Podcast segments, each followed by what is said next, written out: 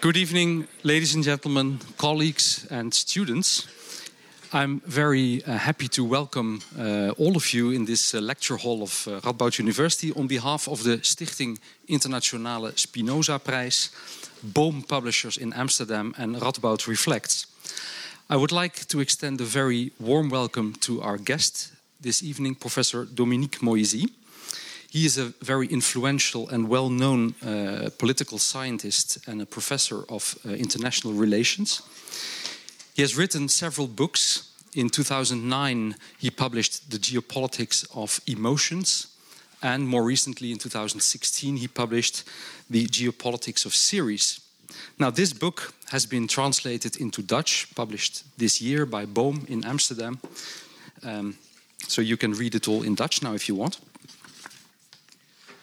Um, Dominique Moïsi is here for a very special reason. He was awarded for his uh, 2009 uh, The Geopolitics of Emotion. He was awarded the uh, International Spinoza Lens. That's a biannual prize that is given to renowned thinkers in the field of ethics and society. And obviously, Dominique Moïsi is one of those very uh, well known uh, thinkers.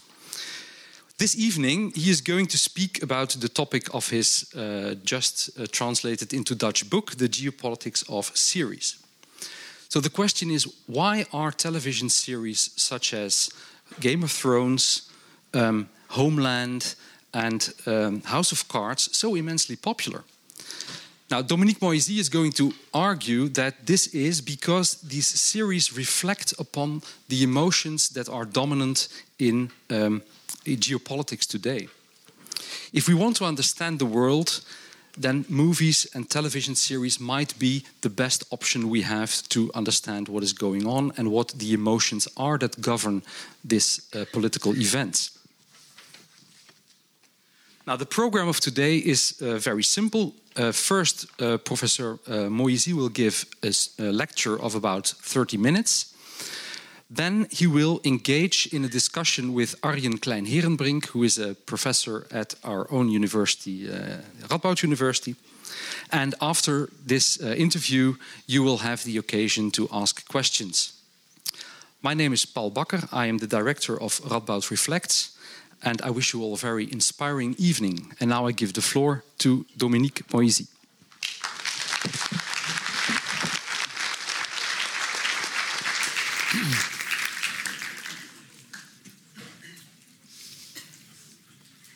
very high.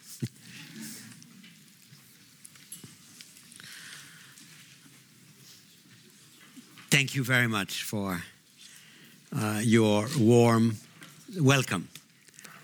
Um, this is the last conference I give in three days after uh, an extremely heavy program.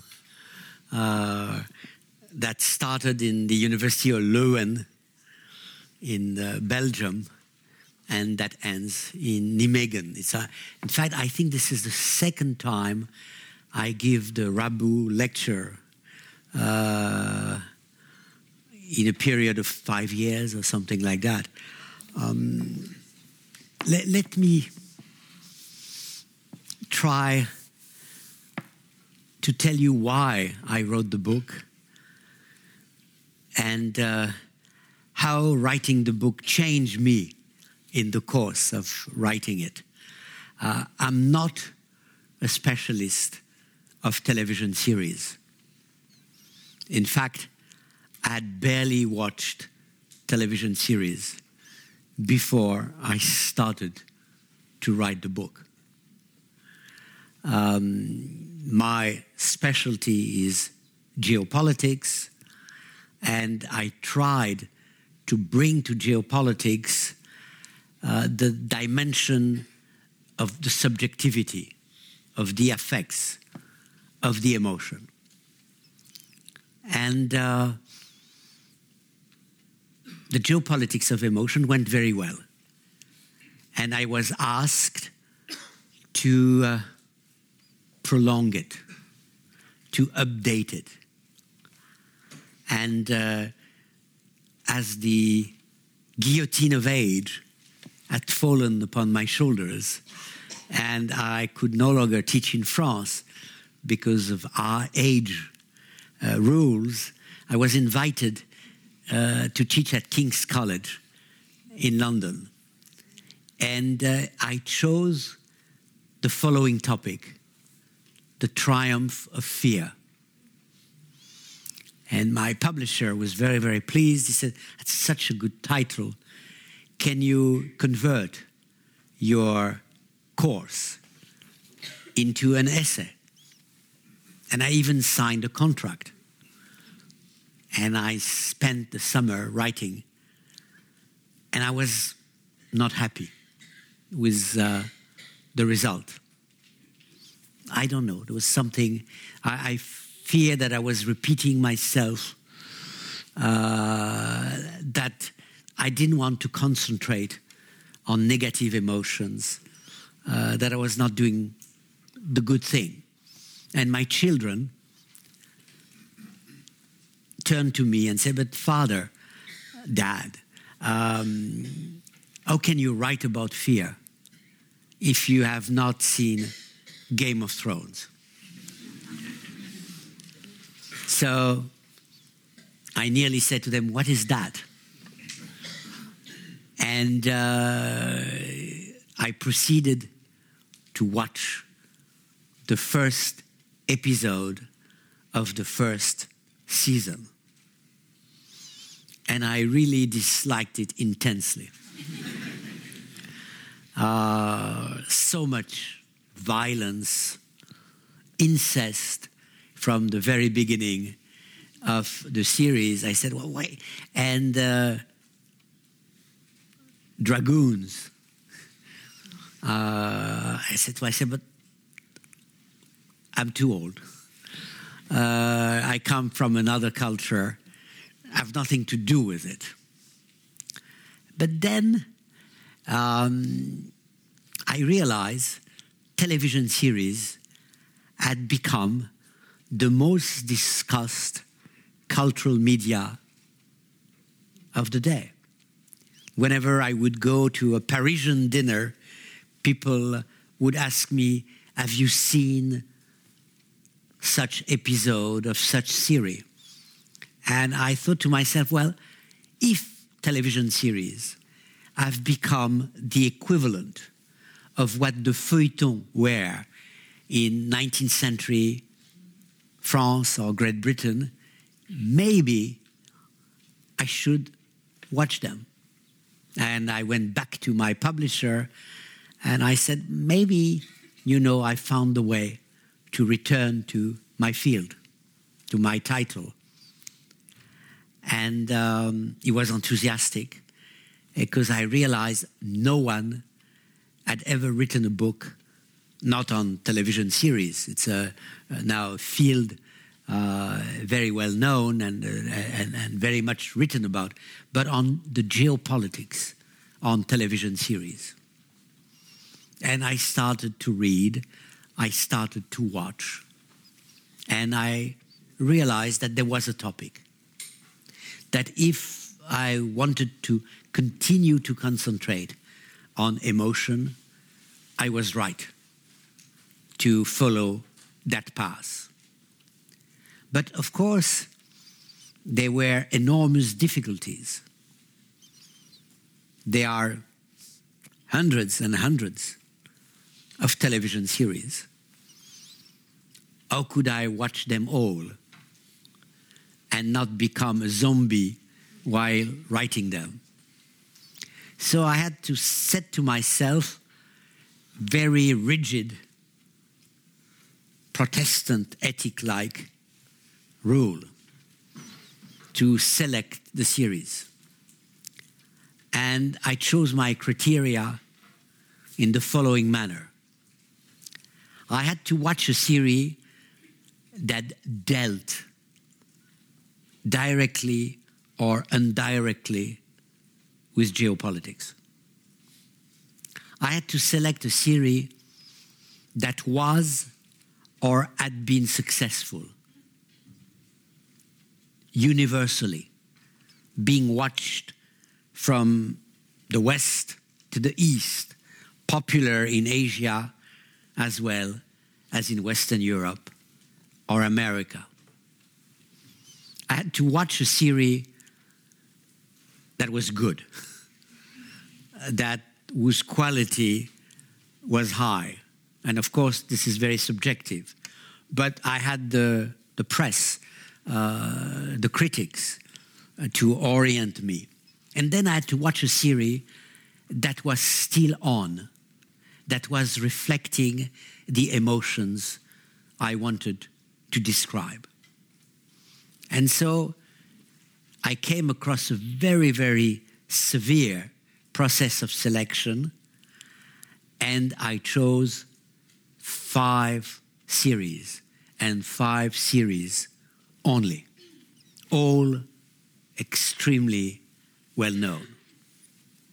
And those series were, of course, Game of Thrones, of course, Downton Abbey,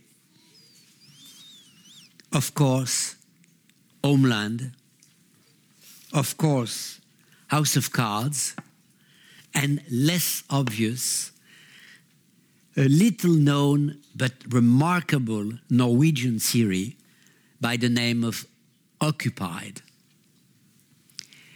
And with this series, I had the feeling I was covering my topic. With uh, Game of Thrones, I touch with my finger the fear of chaos, of absolute and total disorder. With Downton Abbey, I touched something very different, which, has, which was the nostalgia for a social order that was disappearing. With Homeland, I touch the issue of terrorism. With House of Cards, the issue of the crisis of democracy in the Western world. And with Occupied, the fear of Russia returning to haunt part of Eastern Nordic and Central Europe. In Game of Thrones, I met Hobbes and Machiavelli. And uh, I called it Hobbes at the time of the dragoon. Hobbes is an English philosopher of the second half of the 17th century who wrote a famous book called Leviathan, saying basically in one sentence, man is a wolf to man. And Hobbes was writing after the British Civil War of the mid 17th century. Uh, the defeat of uh, the Catholic monarchy, the decapitation of Charles I, the taking of power by uh, Cromwell. But what was interesting is that Game of Thrones was based on a famous fantasy novel whose idea started with the War of Roses that uh, was very cruel and brutal in the England of the second half of the 15th century, defeated the failure by the English to take over and to keep control of France. And it ended up in a civil war. And uh, the author of the book wanted to uh, recreate a world that would combine the barbarism of the Middle Ages, the War of Roses, and uh, the attraction of the antiquity, and also in some parts you see Nordic legend, the kingdom of the north, and Byzance, the kingdom of the south. And um, I watched it with frustration initially, then growingly with addiction. At some point, uh, I said to my wife, This is enough. I had seen the so called moment when there is the, the blood wedding, where everybody, especially the good people, are all killed in a wedding ceremony. And I said, Okay, I understood. I stop, I can write without going further. And of course, in the morning, I woke up and said to my wife, Well, maybe I have to watch a little more. uh, maybe I'm not sure of the interpretation I'm giving. She realized I was addicted. And uh, my addiction was not only the result of the fact that it was very well done, with huge means, good actor, enormous means, but that it was extremely well written. I mean, uh, there are moments when dialogue seemed to be coming out from Shakespeare or Machiavel. And above all, I realized that I was not watching the Middle Ages, but the Middle East. And the intuition came to me very rapidly when I saw the execution of ISIS on internet. They followed the path of the Game of Thrones. You are presented with the person who is going to die in front of you, and then when the execution has taken place, there's another person that is being presented. That's going to be the next victim. In Game of Thrones, in the first seasons, if you remember, uh, at the end of an episode, you would see someone and you would realize that this was more or less the last, the last time you would see him or her because she would disappear in the next episode. To the point where I asked myself, but it's obvious that those terrorists have watched Game of Thrones, that this kind of public execution through internet are inspired to them by the television series. And when you watched the news not long ago and you heard about the terrible barbaric execution of uh, Jamal Khashoggi, the uh, Saudi journalist uh, who was first strangled and then dismembered uh, by Saudi secret services, you say, but of course, this barbarism has been described uh, by Game of Thrones. It's not the Middle Age, it's the Middle East. And I thought maybe there's something there. And there were so many scenes which were impressive from that standpoint. I mean, at some, at some moment, there's a good hero, John Stark, um, who preaches to accept the refugees and he's very like Angela Merkel. Angela Merkel was destroyed politically for her good action. John Stark is murdered and will rebound in an extraordinary way. And so I said, well, maybe I'm on something uh, with uh, those television series. Uh, Downton Abbey. Well, personally, I love that. It's my age group. Uh, uh, after you've seen decapitation uh, in Game of Thrones, you want to have a tea with Maggie Smith over your chimney in your comfortable Chesterfield couch and enjoy eating little biscuit uh, with your finger up while watching uh, Downton Abbey. It's uh, very reassuring. But beyond the joke, Downton Abbey is about Tocqueville. It's Tocqueville. It's the presentation of uh, a dying social order about to be replaced by a new one, with a huge sense of the inevitability of the change and a huge sense of nostalgia for the order that existed. Just read Democracy in America. It's, it describes what the world will be soon in Europe when uh, the American model will slowly come to uh, Western Europe.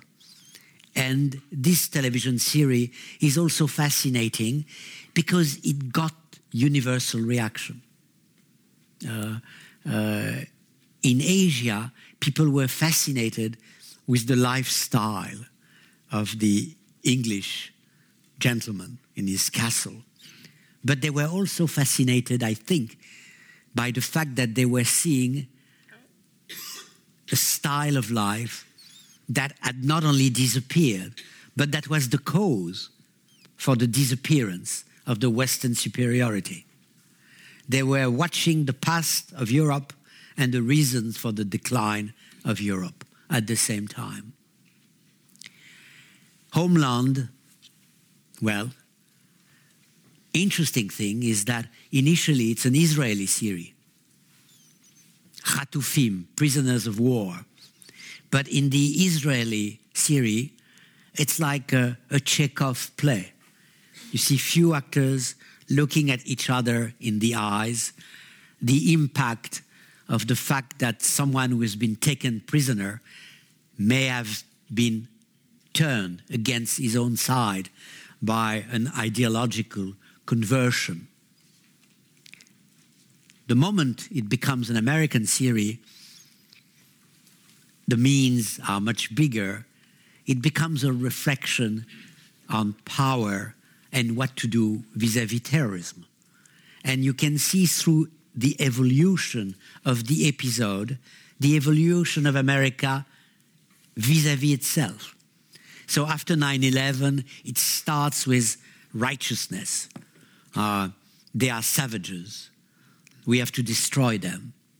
But then the war in Iraq doesn't go well. Not well at all.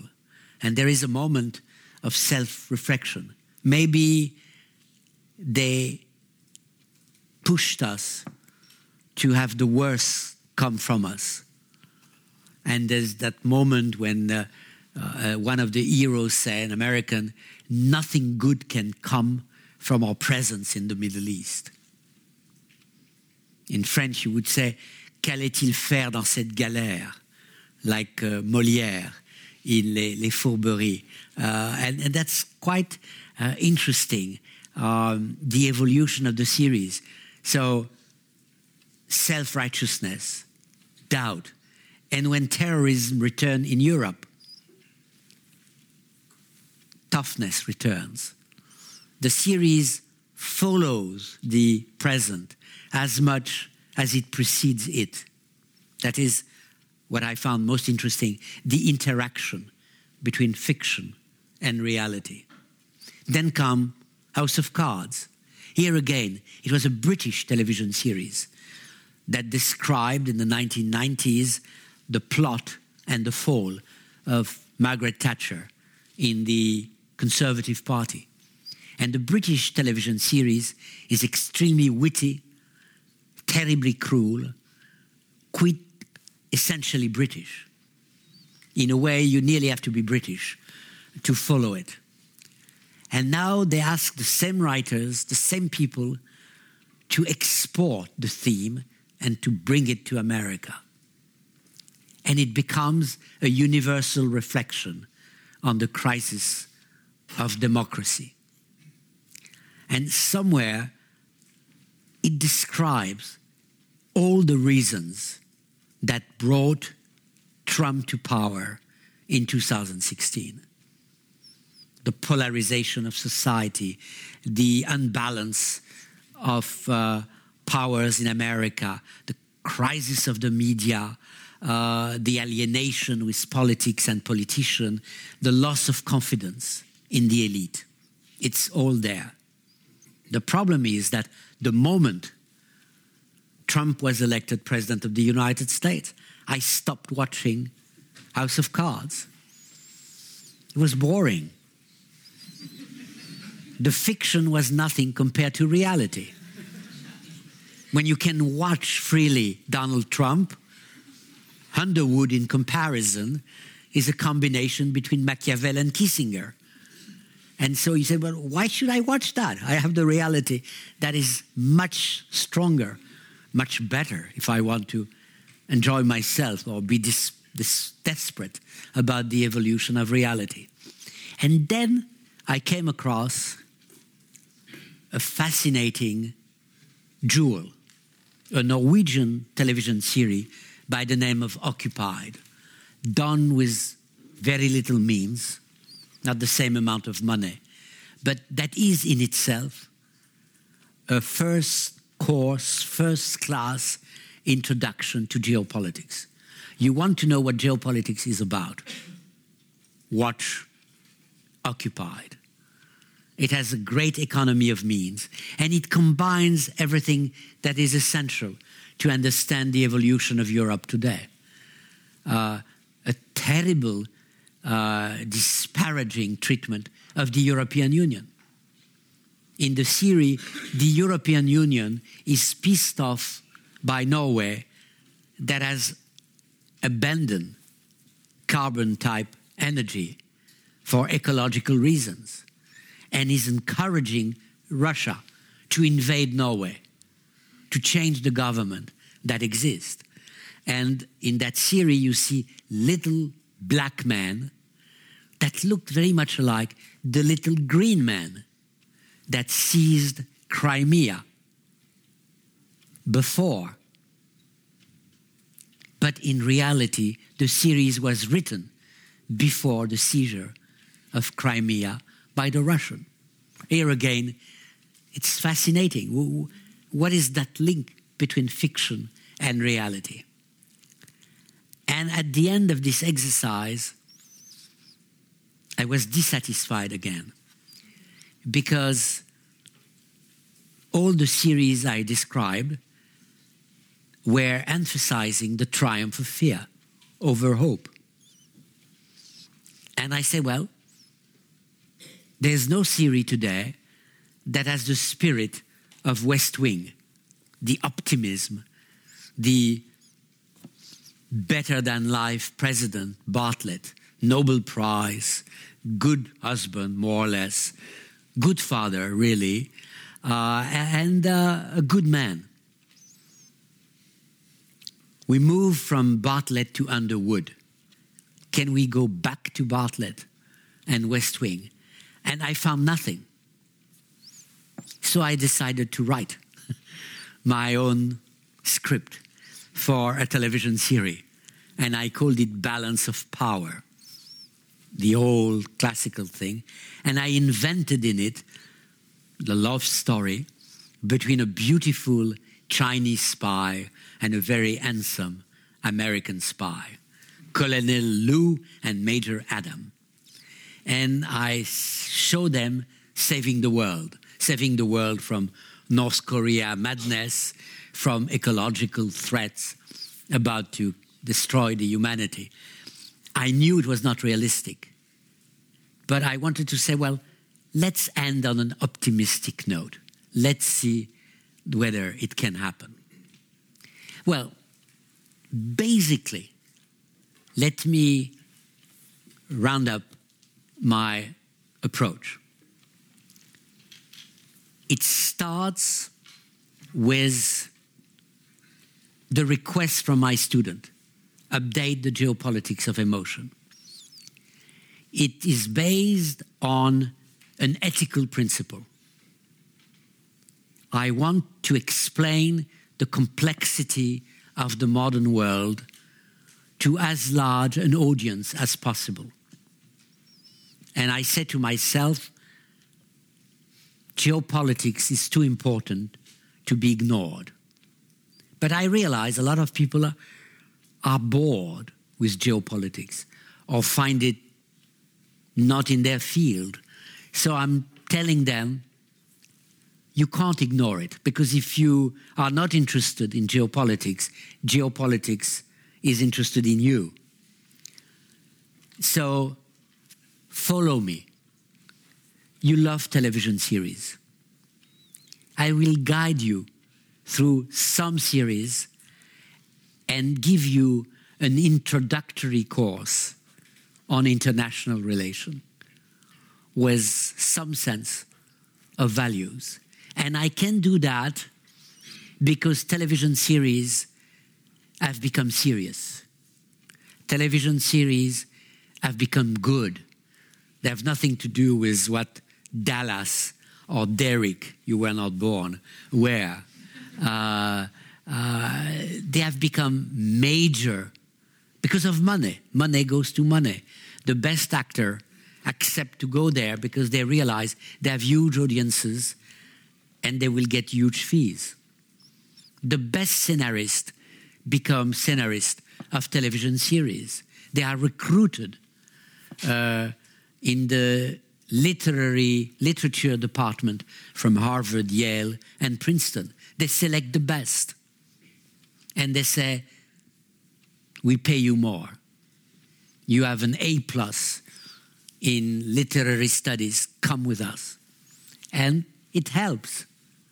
Uh, the scenario of television series now, because they have more means, have, are very often more, much more imaginative than the scenario of movies. But, and I, I, really don't know when I started, so I really don't know whether um, I've exceeded my time or I'm close to the end of my time. Let, let me give you my final message. Um, the day I finished my manuscript, and I did a serious research work, which means I chose very few series, but I watched every episode, every season, sometimes twice, to be sure that I had understood the message.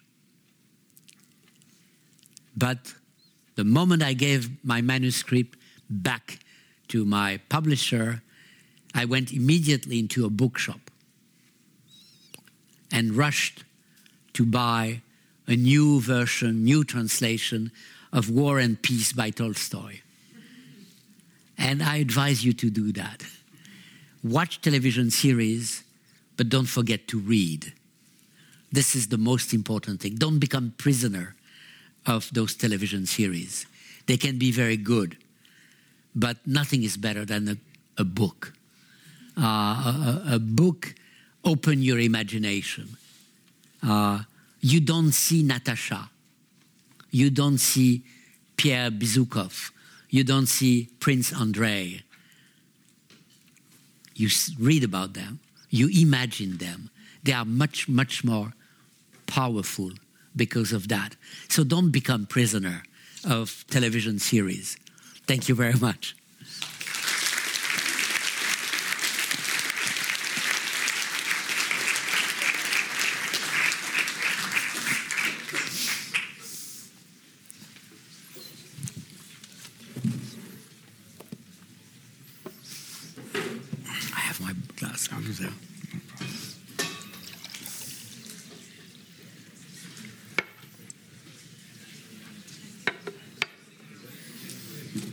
Yeah, I spoke 30 minutes. Yes, we have, we have a lot of time. Thank you, thank you very much for the lecture, for the introduction. Um, what I would like to do is just uh, go into a few things that you uh, write about in the book and that you have just uh, said in the uh, in the talk. Uh, the, the first thing I want to ask by way of anecdote, for about one year now, I've managed to convince my girlfriend to finally start watching science fiction and fantasy movies. And I thought, well, now that she has finally agreed to it, we'll start with things that I like, which are things from the 80s and 90s. And after a few, I asked her, What did you think? And she said, There's one thing that strikes me about all of this, like Star Wars, Star Trek, and so on. She says, There's always a federation there's always, why is there always a federation of nations and groups of good guys and good people that band together? Because that's nowhere to be seen in today's television and film landscape. And this is a theme that I think always returns throughout the book is that these series are about a disappointment in politics and almost seem to reflect an idea that it is impossible today to put your trust into things like the United Nations, the European Union, true international alliances, and so on. Why do you think that this mistrust is present today? Well, we are seeing the triumph of cynicism, fear over hope. And in a way, it reflects the situation in which we live and the failure of elites to convince people that they are doing the right thing in the right way for the right reasons. This growth of cynicism, you can watch it in the rise of populist forces all over the world, the rise of illiberal democracy over classical liberal democracy. What went wrong? We did it to ourselves to a large extent. If you take America, you have uh, the overreaction to 9 11 that followed the under preparation before 9 11. Then, 10 years, uh, nearly 10 years after uh, the financial and economic crisis of 2007 2008, Donald Trump comes to power. Uh, carried by the culture of anger and rage. I mean, if I were to write a new version of the geopolitics of emotion today, I would add anger at fear, humiliation, and hope. And in this context of diffidence, it's normal that you don't see um, trust. I think that the key word, in a way for me, has always been the word confidence. I mean, you, you have to find three dimensions confidence in yourself, respect for the other and the difference of other, and emphasis on the dignity of human being. And in Game of Thrones, you find a combination of just the opposite. I cannot trust anyone, not even my closest friends or family. Uh, it's a pure situation of power. Homo homini lupus. Man is a wolf to wolf.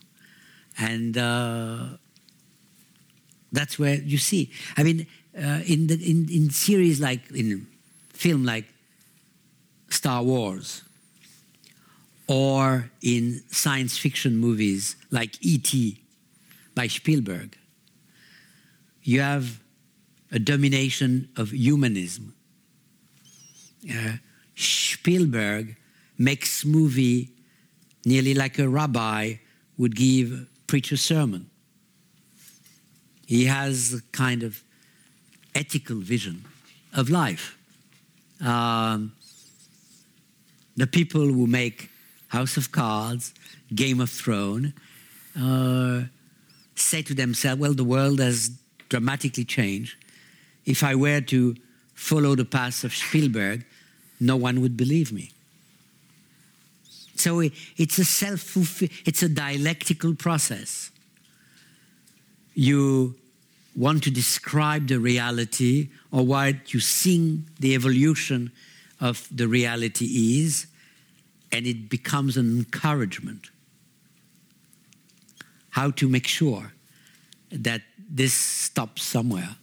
This is what I've been trying to do. That's also what you mentioned about the um, isomorphy between ISIS decapitations yeah. online and decapitations in Game of Thrones. It, it reminds of this idea that it's been established quite frequently that, for example, gang members and mafia, young mafia members in the United States they copy the aesthetics Yeah. from things like Scarface and the Godfather movies up to the point where you can no longer tell with today's criminals whether they are actual criminals or that, you know, Yeah. follow in the footsteps of their Yeah. really existing forebearers Yeah. or if they are acting the part. Um, and this is also this hypothesis that has returned in the media over and over again that maybe people, young men who travel to Syria to fight, are not so much doing this for religious motives, but because they have been um, implicitly or explicitly raised with a certain culture of heroism, action, adventure stories, and so on, Western pop culture, and this seems to be for them the only place in the world where they can actually live that life. Would that also be in line with your thinking? Well, when it comes to uh, the roots of uh, Islamic fundamentalism, you have two schools of thinking. According to one, what we are witnessing is the Islamization of radicals. You have radicals people, inheritor, if you want, of the nihilist of the late 19th century, but in order to present their case in a more honorable way, they don't say, I love violence, I love to kill. They say, I have a mission from Allah, which shows me. And uh, if you follow that school of thinking, uh, the uh, uh, rise of Daesh, ISIS, is a direct imitation of 19th century nihilist applied to 21st century marginals. There's another school of thought who says no, no, what we are witnessing is not the Islamization of radicals, but the radicalization of Islam. And somewhere the answer is it's both. Uh, the Islamization of radicals is essential to understand what may happen in the neighborhood of big cities, in the suburbs.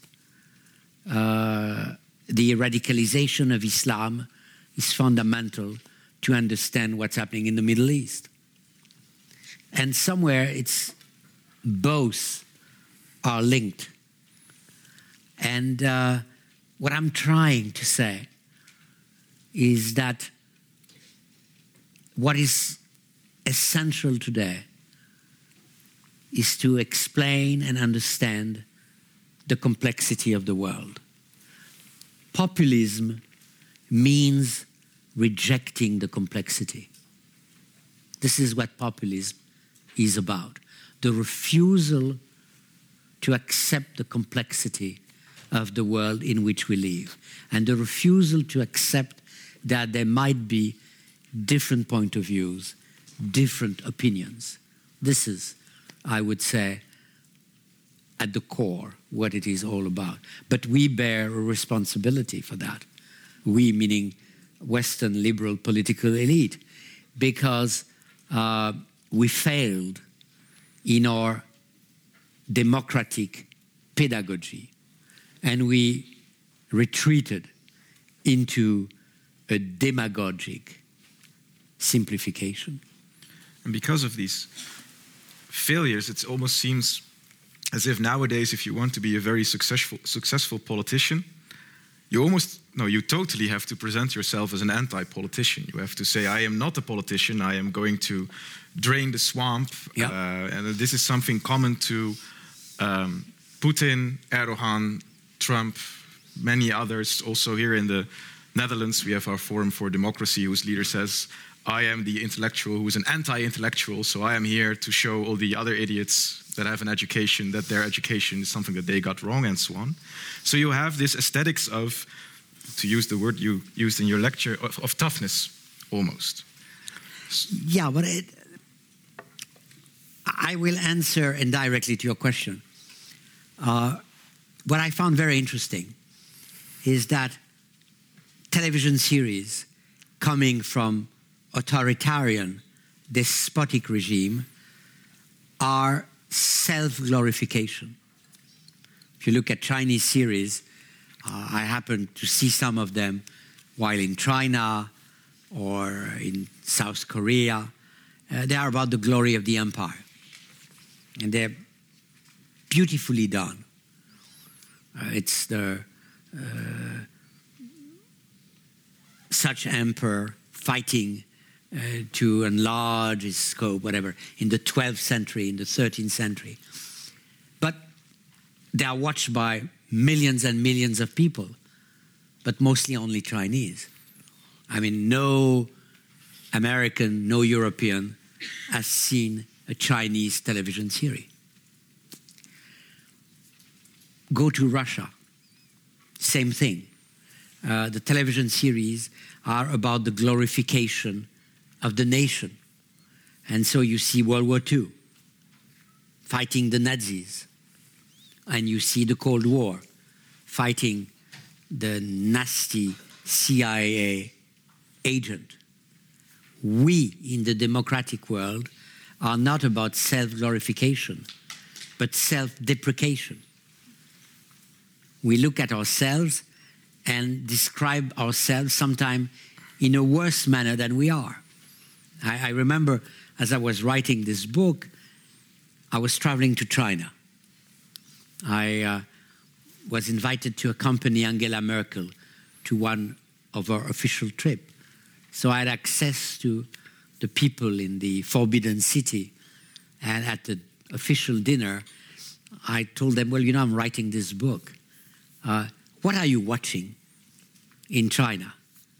And uh, the answer was very simple. Well, the young people, they like Game of Thrones.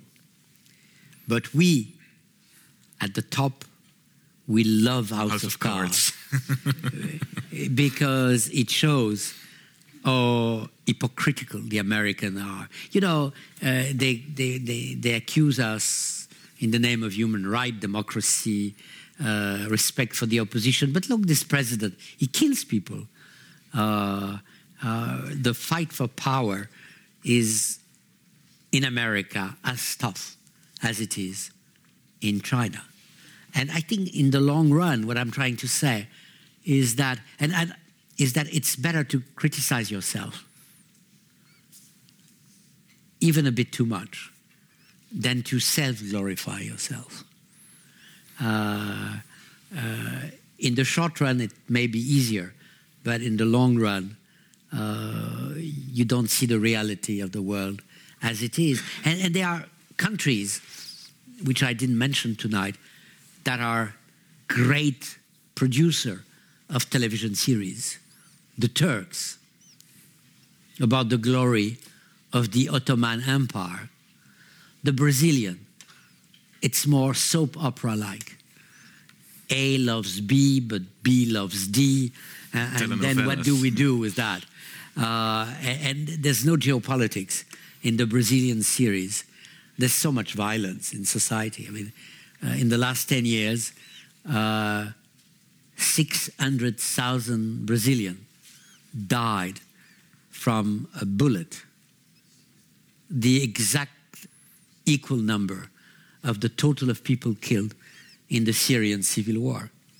On an average, so I don't think they want to see when 60,000 people are killed like that, some of them by accident. I don't think they want to see political series. They want they are in escapism. I have a question about that because when uh, especially concerning the China thing. Last year there was a movie, I forget the title, which is bad, but it stars Jackie Chan. Yes. And it's about the Silk Road yeah. long, long ago. Yeah. And uh, Jackie Chan is kind of a warden who has to keep all kinds of tribes and nations at peace while they're trading at the Silk Road. Yeah. And at some point, there's even a Roman legion that yeah. gets to it. And literally, in the end, everything turns out all right and everybody bursts into a song. Saved by the Chinese. And yeah, saved by the Chinese. And when it was, the interesting thing is, they tried to push it onto Western audiences, into Western cinemas, and Yeah. the, the movie flopped incredibly. Nope, I'm the only one that watched it. You're the other person. nobody No, no, I didn't watch it. Uh, I'm the only one that watched it. There we go. But the interesting thing was the reviews, because the reviews all scathed this movie for being totally unrealistic. Simply, politics doesn't work like that. It's not about consensus, it's not about peace, it, and it's definitely not about holding hands and singing a song after everything turns out to be all right.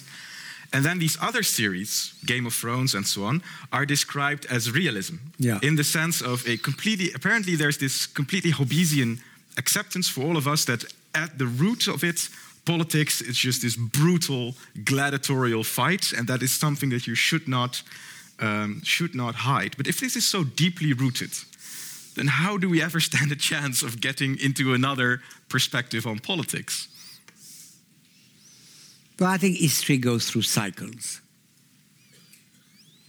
We are in a cycle of cynicism, which I tried to describe in my book. Another cycle will come. I don't know when. Uh, um, I'm 72 now, so I've been going through a few things.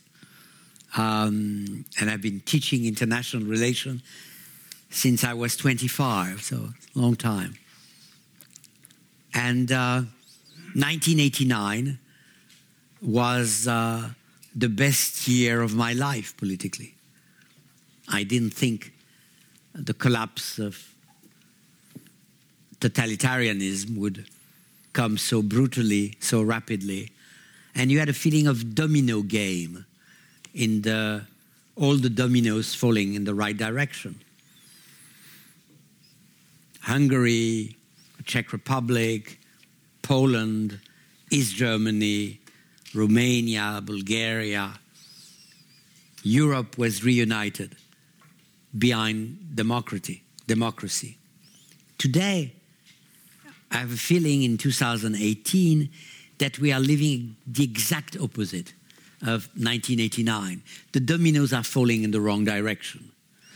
The populists come to power in Italy.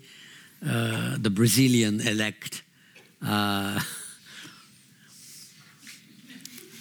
A nice man, not so someone nice man, by the name of Bolsonaro, who immediately appoint as uh, minister in charge of energy and nature someone who has declared that global warming was uh, fake news.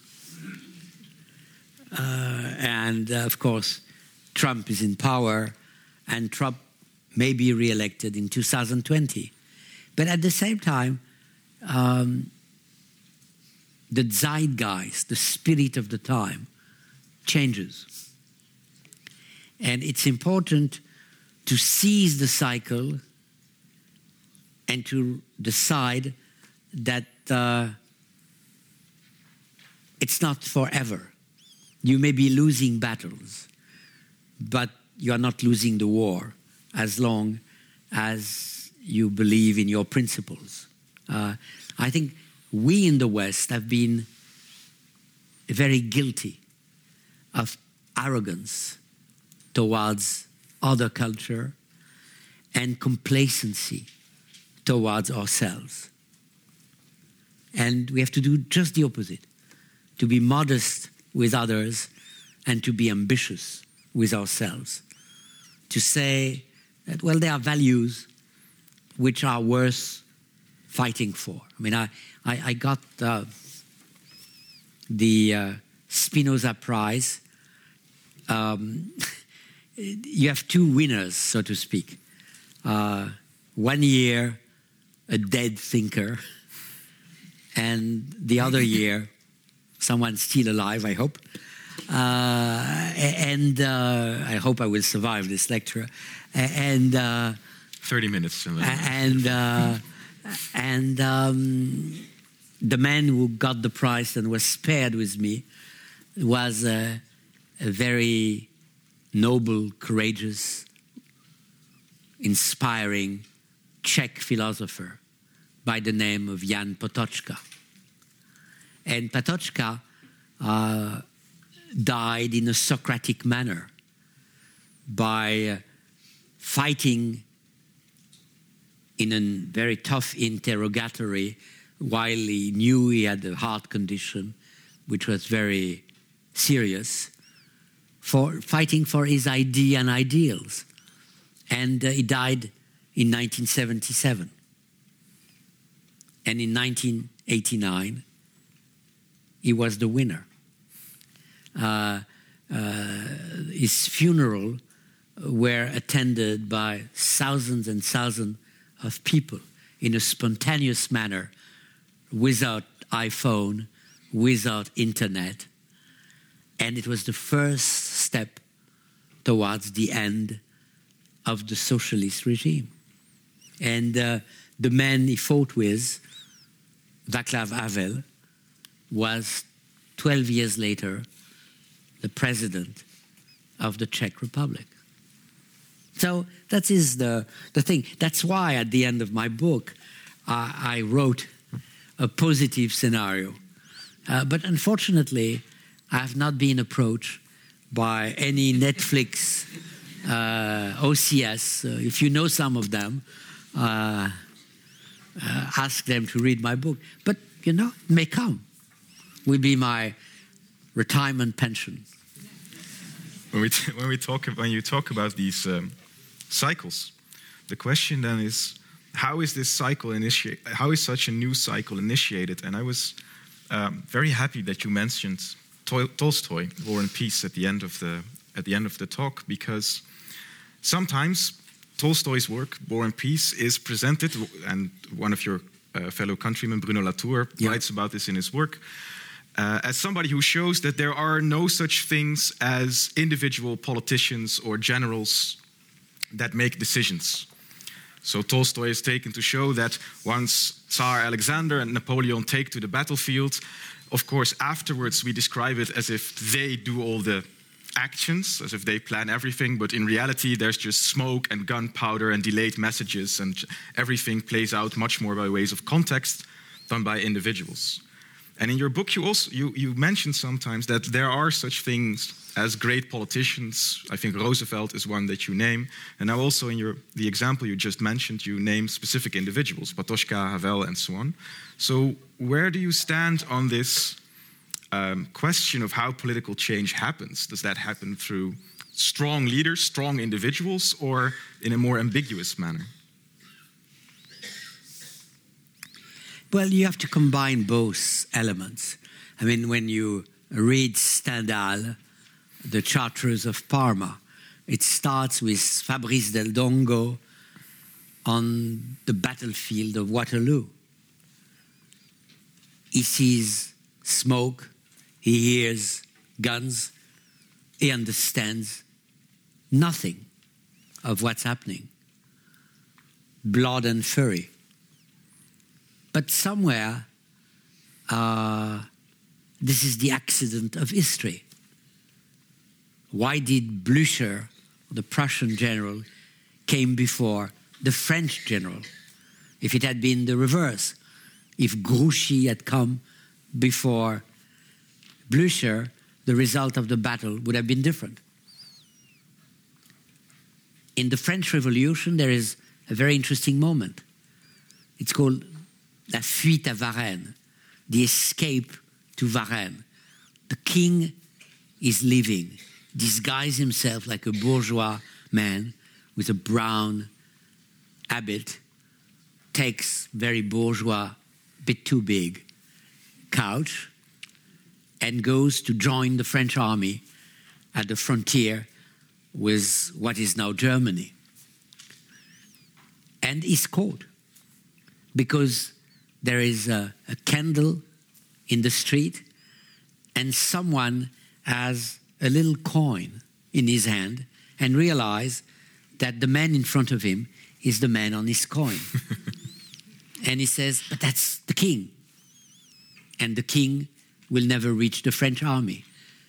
The chances that the king would have been caught were minimal, was sheer accident but the event transformed history. So history is about the event, but history is also about the man.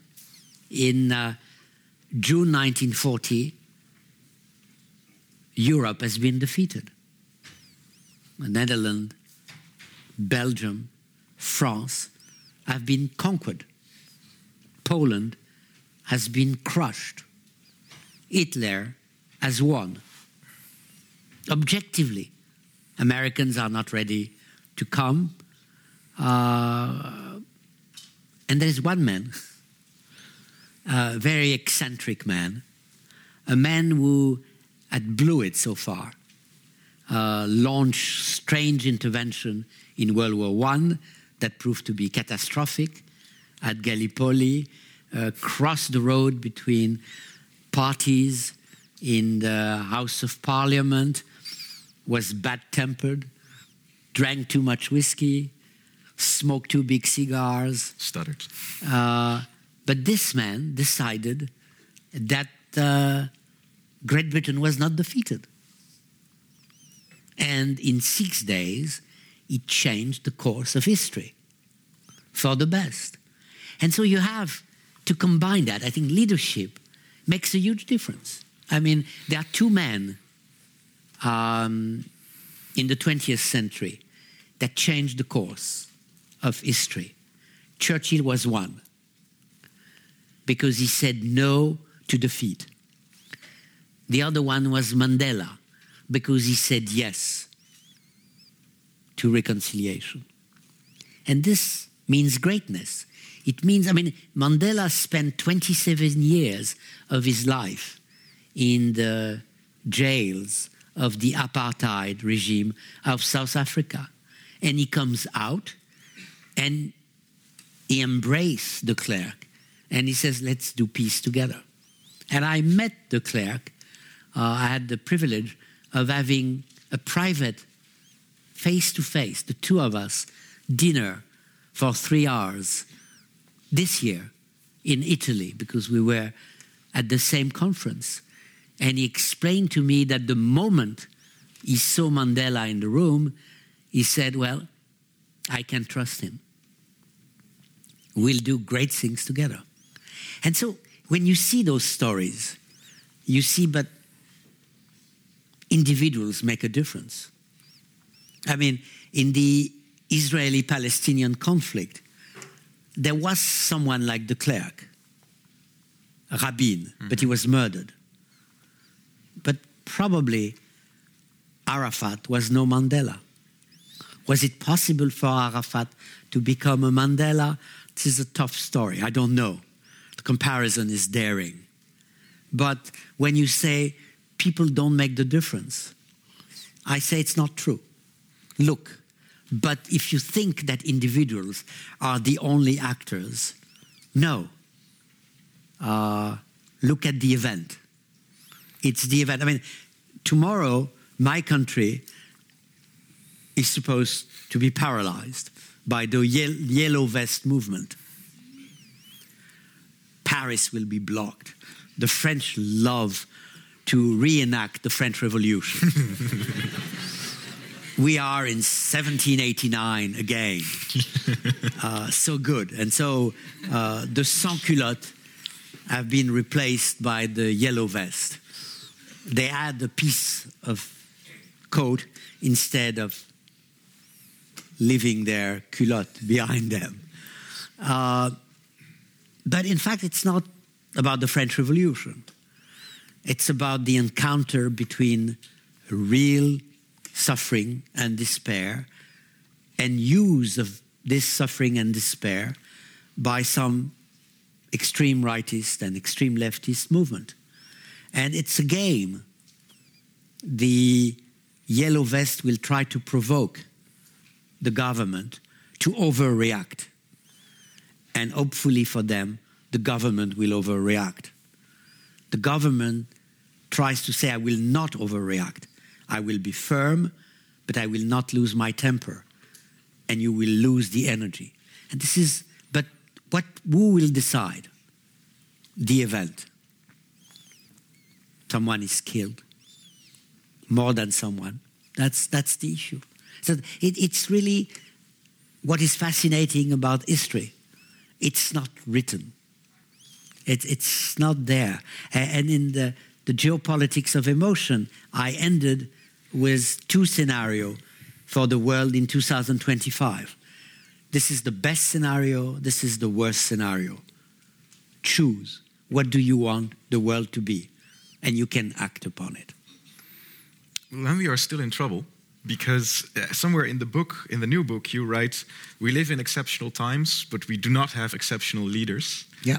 Um, and now we also have very popular series who are not giving us the role models that make pe young people think, well, I can be the new Churchill, yeah. and this is totally going to work because somewhere politics yeah. can be. But that's harmonious. what Macron thinks. but he doesn't dream of being the new Churchill, but of being the new Bonaparte. Except that uh, you start like Bonaparte, but you can end up like Napoleon. No, but it's a, it's it, it, it's a very important question. Um, the television series like House of Cards, Game of Thrones create nasty heroes that are, by the end, sympathetic to the audience. Underwood is a monster, but by the end, it looks like a friendly monster. I mean, they are using the Shakespearean method. In Shakespeare plays, at some point, the key hero speaks directly to the audience. He doesn't speak to the other actor in the room. He says, and he says privately what is happening, what will happen, and creates a direct link between himself and the audience. Underwood does the same thing. Sometimes in the most provocative manner, uh, when he says to the audience, looking at them, you know, democracy uh, is very uh, overrated. Overrated. so, um, it's going to be a little bit, little bit hard to find inspiration for a new cycle of politics. Um, in a, a, totally different register, I wanted to ask this as the first question. I forgot, but I want to ask it now. Um, I guess that if you if you would ask people, well, how do you study geopolitics? many people would say, well, you study history, you study the news, and you study statistics. Or something like that. But I take it that a lot of people would not expect the geopolitics of today to be accessible through emotions. But that is very explicitly the road that you choose. And I, I guess I am a bit gossip-like experience, the, the uh, curiosity of how, how, do, how do colleagues in your field respond to that?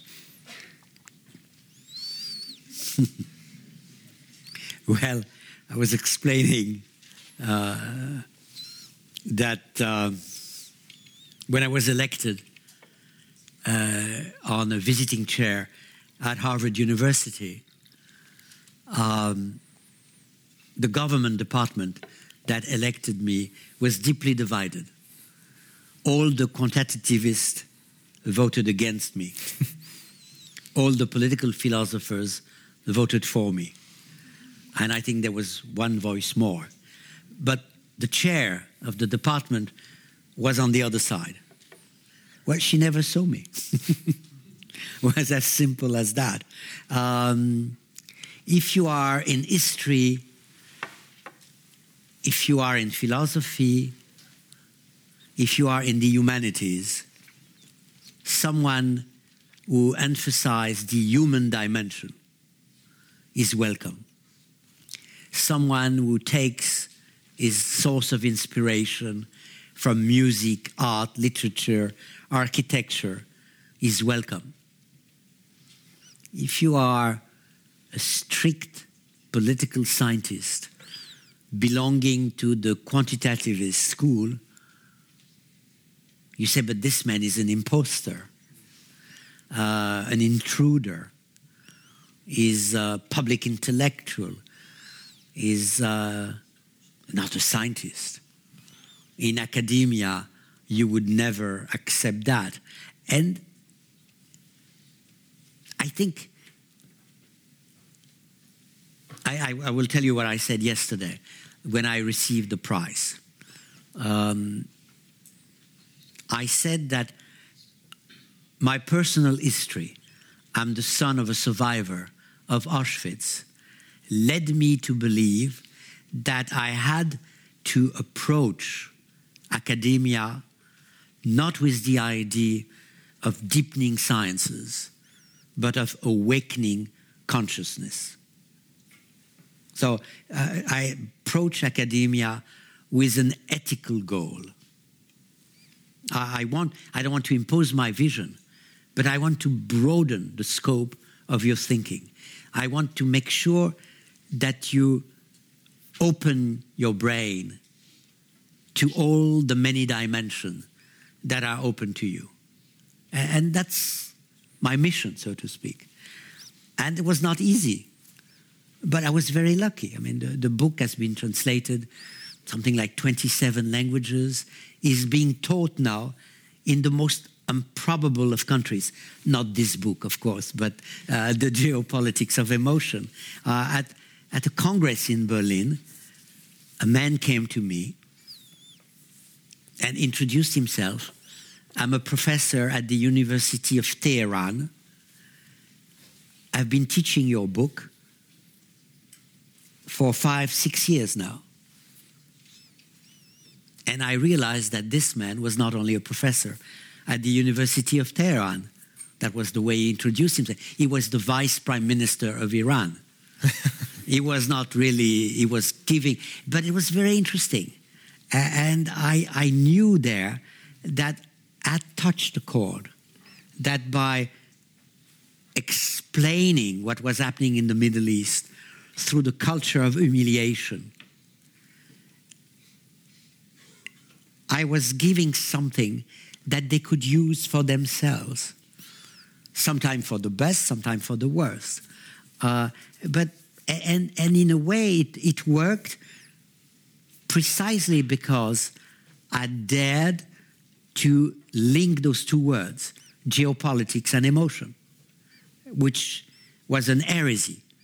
Geopolitics is about realism, cold monster. Emotion are about the affect. But then I said, but really, I've been meeting with the leaders of the world. And I know their affect, their subjectivity plays a major role in their decision. So let's go to the essence of it. Let's not be satisfied only with uh, the protection they create around themselves. I mean, it started when I was traveling to the Middle East. Uh, when I would go to Israel, I would be received by the French ambassador in Tel Aviv, and I would meet Israelis. And the other day, I would be received by the Consul General of France in Jerusalem, and I would meet Palestinians. And I realized the conflict was not about, it was about territory, it was about security, but it was about emotion. The culture of humiliation of the Palestinian, the culture of fear and resentment of the Israelis. And if you didn't bring the two people to come closer to each other through emotions, there was no way uh, they could come closer to each other. For the moment, they have not come closer to each other uh, because there's too much of a disequilibrium uh, between the Israelis that are too strong and feel too vulnerable, and the Palestinians who are too weak and too divided.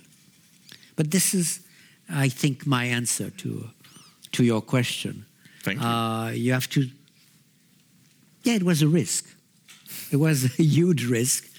Uh, but I felt was my duty. I mean, there's a moment when uh, academic career uh, is behind you and you are totally free uh, to write even senseless book like the geopolitics of political series and be translated in 10 languages and still keep your emeritus status at university. thank you very much thank for you. your lecture and your answers, Professor Moïsi, and thank you all as well.